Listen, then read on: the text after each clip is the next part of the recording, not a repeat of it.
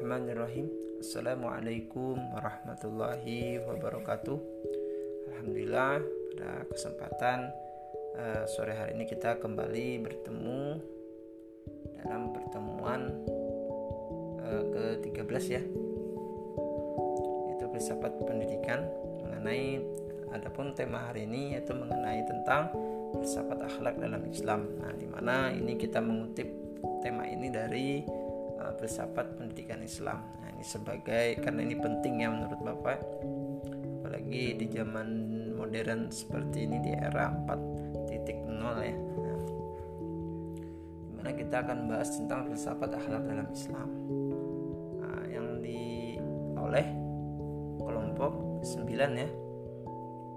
Yaitu ada saudara Muhammad Firdaus Razak, kemudian ada Sardai Sumanidar dan ada saudari Musliana juga uh, terima kasih kepada kawan-kawan baik pemateri maupun kawan-kawan yang sudah bertanya dan juga memberikan tambahan-tambahan jawaban karena sebagai tanggung jawab uh, untuk mensukseskan dan menyelesaikan materi tentang uh, filsafat akhlak dalam Islam.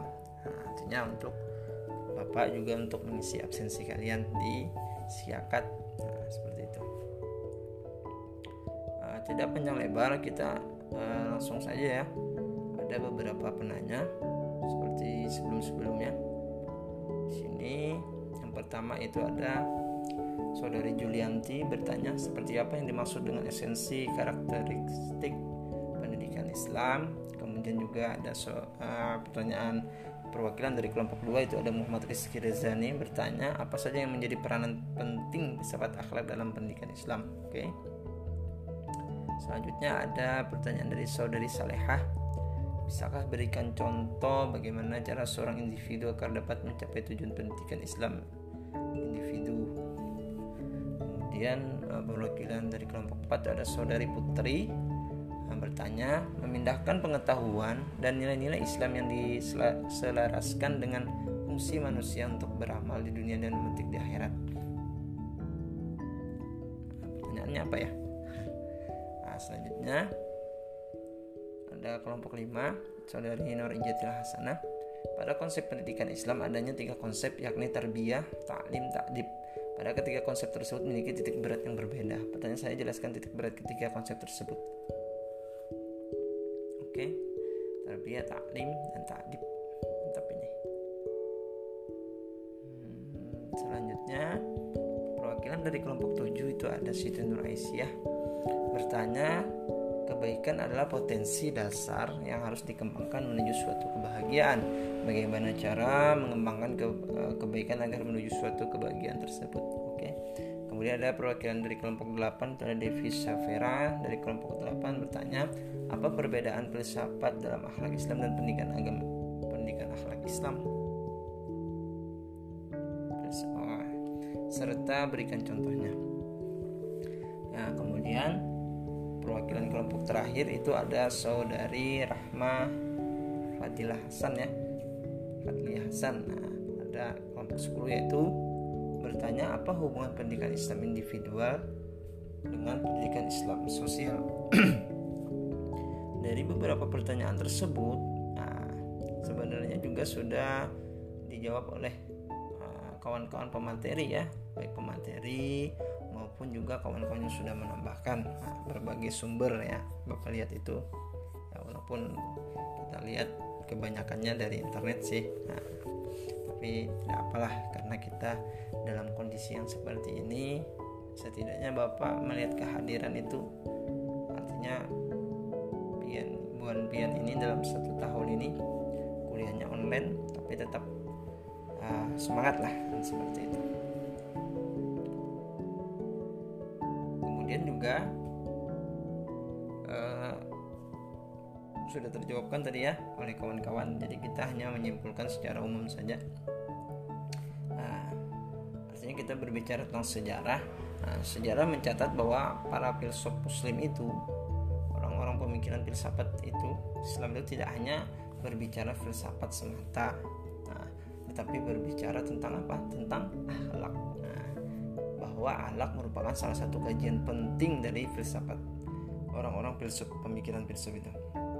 Nah, ahlak dalam filsafat Islam telah menjadi bagian dari filsafat seperti siapa? Seperti filsafat Al-Farabi, Ibnu Sina, Ibnu Mas uh, Maskawai, uh, Ibnu Bajah dan Al-Ghazali dan lain-lain. Nah, pembicaraan mereka tentang ahlak semuanya bermuara pada keutamaan dan kebahagiaan dan semuanya berkaitan dengan sikap dan perilaku ber, apa keberimanan seseorang. Nah, konsep ahlak yang mereka suguhkan sangat menarik dan sangat mungkin untuk diterapkan dalam segala aspek kehidupan sehari-hari. Umumnya mereka um, bagi apa membagi ahlak dalam tiga dimensi, yaitu berani, karam, dan eva. Nah, menurut mereka sifat-sifat tersebut hanya dapat diwujudkan dengan adanya interaksi sosial dalam kehidupan bermasyarakat dan bernegara. Kita kembali ya, apalagi saat-saat ini, saat-saat di mana ahlak itu apa ya memudar seperti itu. Jadi harapan bapak generasi penerus khususnya mahasiswa mahasiswi yang bapak utamakanlah ahlak nah, di mana pun keberadaan anda di mana pun posisi anda saat di mana pun berkumpul atau nah, di mana saja. Utamakanlah ahlak. Karena itu orang melihat itu bukan segi dari kepintaran segi dari keberanian segi dari uh, apa ya berbagai macam cara kita. Tapi orang melihat itu bagaimana bagaimana akhlak kita. Nah, mungkin sudah pernah bapak singgung-singgung ya uh, di perkuliahan-perkuliahan sebelumnya mengenai akhlak ini. Nah ini kita sudah masuki materinya. Artinya bagaimana akhlak kita seorang terpelajar seorang pendidik bagaimana kita tetap menghargai menghormati yang lebih tua dari kita dan juga menyayangi yang lebih muda. Dan juga dengan teman-teman sebaya kita bagaimana kita tetap saling uh, memahami artinya ahlak tetap terjaga. Jangan sampai apalagi kita bapak lihat ini ya mahasiswa mahasiswi uh, banyak yang berorganisasi misalnya. Nah kita di situ kita lihat uh, kelakuan kita seperti apa di saat kita berkumpul dengan sama-sama anggota suatu organisasi yang bukan mahram ya dalam artian laki-laki bercampur dengan perempuan. Nah kalau bisa ada jarak ada jarak yang harus kita ini di saat ada rapat atau pengabdian atau apa itu itu. Soalnya kalau kita tidak masalah tetapi orang yang memandang wah begitukah bubuhan ini organisasi ini misalnya? Oh begitu kan misalnya bukan win ya nah, jadi kalau kita tidak masalah yang masalah itu nama yang kita bawa alma mater kita misalnya. Apa alma mater kita? Nah sesuatu yang seperti itu harus kita jaga artinya akhlak itu pokoknya yang harus diutamakan lah. Apalagi di zaman sekarang dengan berbagai macam aplikasi ya kita lihat di smartphone itu bisa kita memfilternya dalam artian mana yang bagus mana yang bernilai positif mana yang baik. Nah silahkan kita ambil pembelajaran dari hal tersebut tapi kita jangan sampai menggunakan ke hal-hal yang negatif menurut kita baik belum tentu dilihat orang itu baik. Nah seperti itu. Dan juga uh, masalah ahlak ini ya. Artinya ahlak ini memegang penting peranan penting dalam kehidupan kita. Nah, ahlak ahlak yang baik akan membedakan antara manusia dengan uh, apa?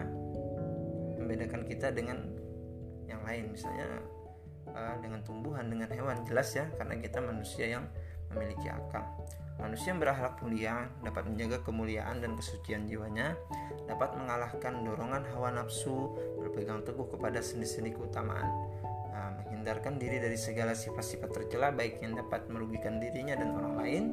Kita yang berakhlak mulia suka tolong menolong sama insan dan makhluk lainnya senang berkorban untuk kepentingan bersama, saling menghormati dan saling menyayangi. Orang yang berakhlak mulia, senang kepada kebenaran dan uh, dan keadilan, toleransi, menepati janji, tidak korupsi, mematuhi peraturan, lapang dada dan tetap dalam menghadapi segala problem kehidupan. Kita lihat pada zaman era sekarang ini juga kita lihat banyak sekali bagaimana sebenarnya kita sebagai generasi penerus sangat minim sekali ya kita lihat hal-hal yang ya, maksudnya misalnya di pemerintahan jelas ya kita lihat di era zaman sekarang ini di, di era modern seperti ini kita melihat sangat banyak sekali orang yang krisis akhlak seharus bahkan di sana kita lihat titel mereka ada yang profesor ada yang dokter bahkan haji pun. Nah, seperti itu. Ternyata ada yang korupsi ada yang apa? Ya berbagai macam pandangan yang negatif lah. Nah itu kan sebenarnya kita berkaca dari itu berarti kita istilahnya mencontoh ah ini ya tidak bubuannya aja bisa mengerjakan sesuatu itu kenapa kita tidak? Nah sebenarnya itulah yang harus kita hindari sebenarnya kalau bisa kita jangan karena pengaruh dari apa yang kita lihat itu sangat luar biasa. Itu akan tertanam di jiwa kita bahwa sesuatu yang itu bubuhan yang profesor, dokter bahkan haji sekalipun boleh aja mengerjakan yang hal yang seperti itu. Yang apa? Nah, padahal kalau kita lihat itu sama sekali tidak ada halaknya. Untuk itu pernah juga bapak katakan sebelumnya bahwa alak itu adalah uh, yang paling utama. Setelah ilmunya. Artinya bukan bapak sih yang mengatakan tapi guru-guru bapak juga. Hmm, mungkin guru-guru kalian juga seperti itu bahwa alak itu yang harus kita utamakan. Orang berakhlak sudah tentu memiliki ilmu tapi orang berilmu belum tentu memiliki akhlak jadi akhlak itu yang harus kita utamakan kemudian juga perbuatan manusia ada yang baik ada yang buruk Kadang sebuah perbuatan dianggap baik oleh seseorang namun dianggap buruk oleh orang lain yang berbeda. Nah, itu yang maksud Bapak tadi. Nantinya kita melakukan sesuatu kebaikan, ya kan? Padahal niat kita baik nih, menolong orang kah misalnya atau membantu orang kah misalnya. Tetapi namanya manusia pasti ada yang mencela. Ada yang berbicara di belakang bahwa itu yang dikerjakan tidak baik. Nah, ya apa itu mengerjakan itu nah, sebenarnya. Tapi sebenarnya kalau kita niat kita baik, kemudian tujuan kita baik kenapa kita harus mendengarkan orang yang tercela tersebut kan? Padahal memang tujuan kita baik seperti itu. Karena kenapa? Untungnya kita ini memiliki akal dan perasaan untuk uh, dapat memilah memilih perbuatan baik atau buruk. Nah, pada dasarnya penilaian terhadap suatu perbuatan uh, sebenarnya itu relatif ya hal hal ini disebabkan adanya perbedaan tolak ukur yang digunakan untuk penilaian tersebut. Artinya kita sudah bisa menilai mana yang uh, yang baik mana yang negatif tadi. Nah, tapi kembali bapak tekankan bapak ulangi sesuatu yang negatif pun bisa bernilai baik. Asalkan kita jangan mengikuti sifat atau hal-hal yang uh, yang dikerjakan orang itu. Nah, kalau memang negatif nah itu sudah kita berpikir yang positif sebenarnya sudah kemudian juga perbedaan tolak ukur disebabkan oleh adanya uh, perbedaan agama, mungkin kepercayaan, cara berpikir, ideologi, lingkungan hidup dan sebagainya. Nah, perbuatan manusia, nah, perbuatan kita adalah hasil dari proses psikologi yang banyak stuk beluknya. Artinya kita uh, manusia kita dengan saudara kita pun misalnya pasti kita memiliki perbedaan ya apalagi kita yang berbeda kepercayaan atau berbeda agama suku atau yang jelas ya berbeda ideologi atau pemikirannya dan juga lingkungan hidupnya kita sangat berbeda seperti itu. Nah, perbuatan tersebut merupakan uh, kolaborasi antara intelek dan kehendak. Apabila intelek mengerti sebagai sesuatu yang baik, mak, uh, maka muncullah dalam kehendak rasa senang pada sesuatu tersebut. Tidak ada aktivitas yang mungkin kecuali dengan maksud ke arah suatu tujuan demi sesuatu yang baik. Nah, begitu yang Bapak maksud tadi. Artinya kalau kita sudah menanamkan apa yang kita kerjakan ini baik ini untuk orang misalnya untuk sosial misalnya sosial agama maupun pendidikan nah tujuan kita baik silahkan kita kerjakan kita tidak perlu mendengar celaan orang lain selama apa yang kita kerjakan itu baik nah ya, contohnya kan dalam beberapa kasus perbuatan dianggap baik atau buruk hanya karena seseorang yang berkuasa telah memerintahkannya atau melarangnya. Tetapi terdapat perbuatan lain yang mempunyai moralitas menurut hakikatnya. Perbuatan-perbuatan tersebut baik atau buruk dan tidak ada kebiasaan hukum manusiawi atau bahkan detektif uh, dapat membuat lain. Nah pada prinsipnya sesuatu yang baik itu harus terus kita kerjakan dan jangan lupa akhlak tetap yang nomor satu seperti itu. Nah mungkin pertemuan kita tidak cukupkan ya mengenai akhlak ini. Harapannya terus perbaiki akhlak kita akhlak yang sudah baik terus kita tingkatkan. Nah, yang belum baik apalagi yang belum baik ini ya kan. Jangan sampai kita tidak ada akhlak. Akhlak itu rasa malu atau merasa paling benar sendiri ya. Egonya kuat. Nah, pokoknya kita harus bisa menerima mendengarkan orang lain juga. Harus menerima perbedaan. Jangan sampai uh, seolah-olah kita yang selalu benar apalagi kita berdebat dengan orang tua misalnya. Nah terlebih-lebih adab kita dengan alat kita kepada kedua orang tua kita. Nah ini mungkin perlu diingatkan juga sebelum bapak tutup. Ahlak kita yang baik di dunia nah, insya Allah pahalanya juga mengalir kepada kedua orang tua kita baik yang masih ada maupun yang sudah tiada. Apa yang kita kerjakan di dunia itu akan mengalir pahala ke kedua orang tua kita baik yang masih hidup maupun yang sudah meninggal jadi teruslah kita berbuat suatu kebaikan yang dilandaskan akhlak nah, yang dilandaskan yang uh, pekerjaan yang positif baik sosial keagamaan maupun pendidikan. Untuk itu mari kita tutup perkuliahan kita dengan sama-sama mengucapkan alhamdulillah alhamdulillah alamin. Assalamualaikum warahmatullahi wabarakatuh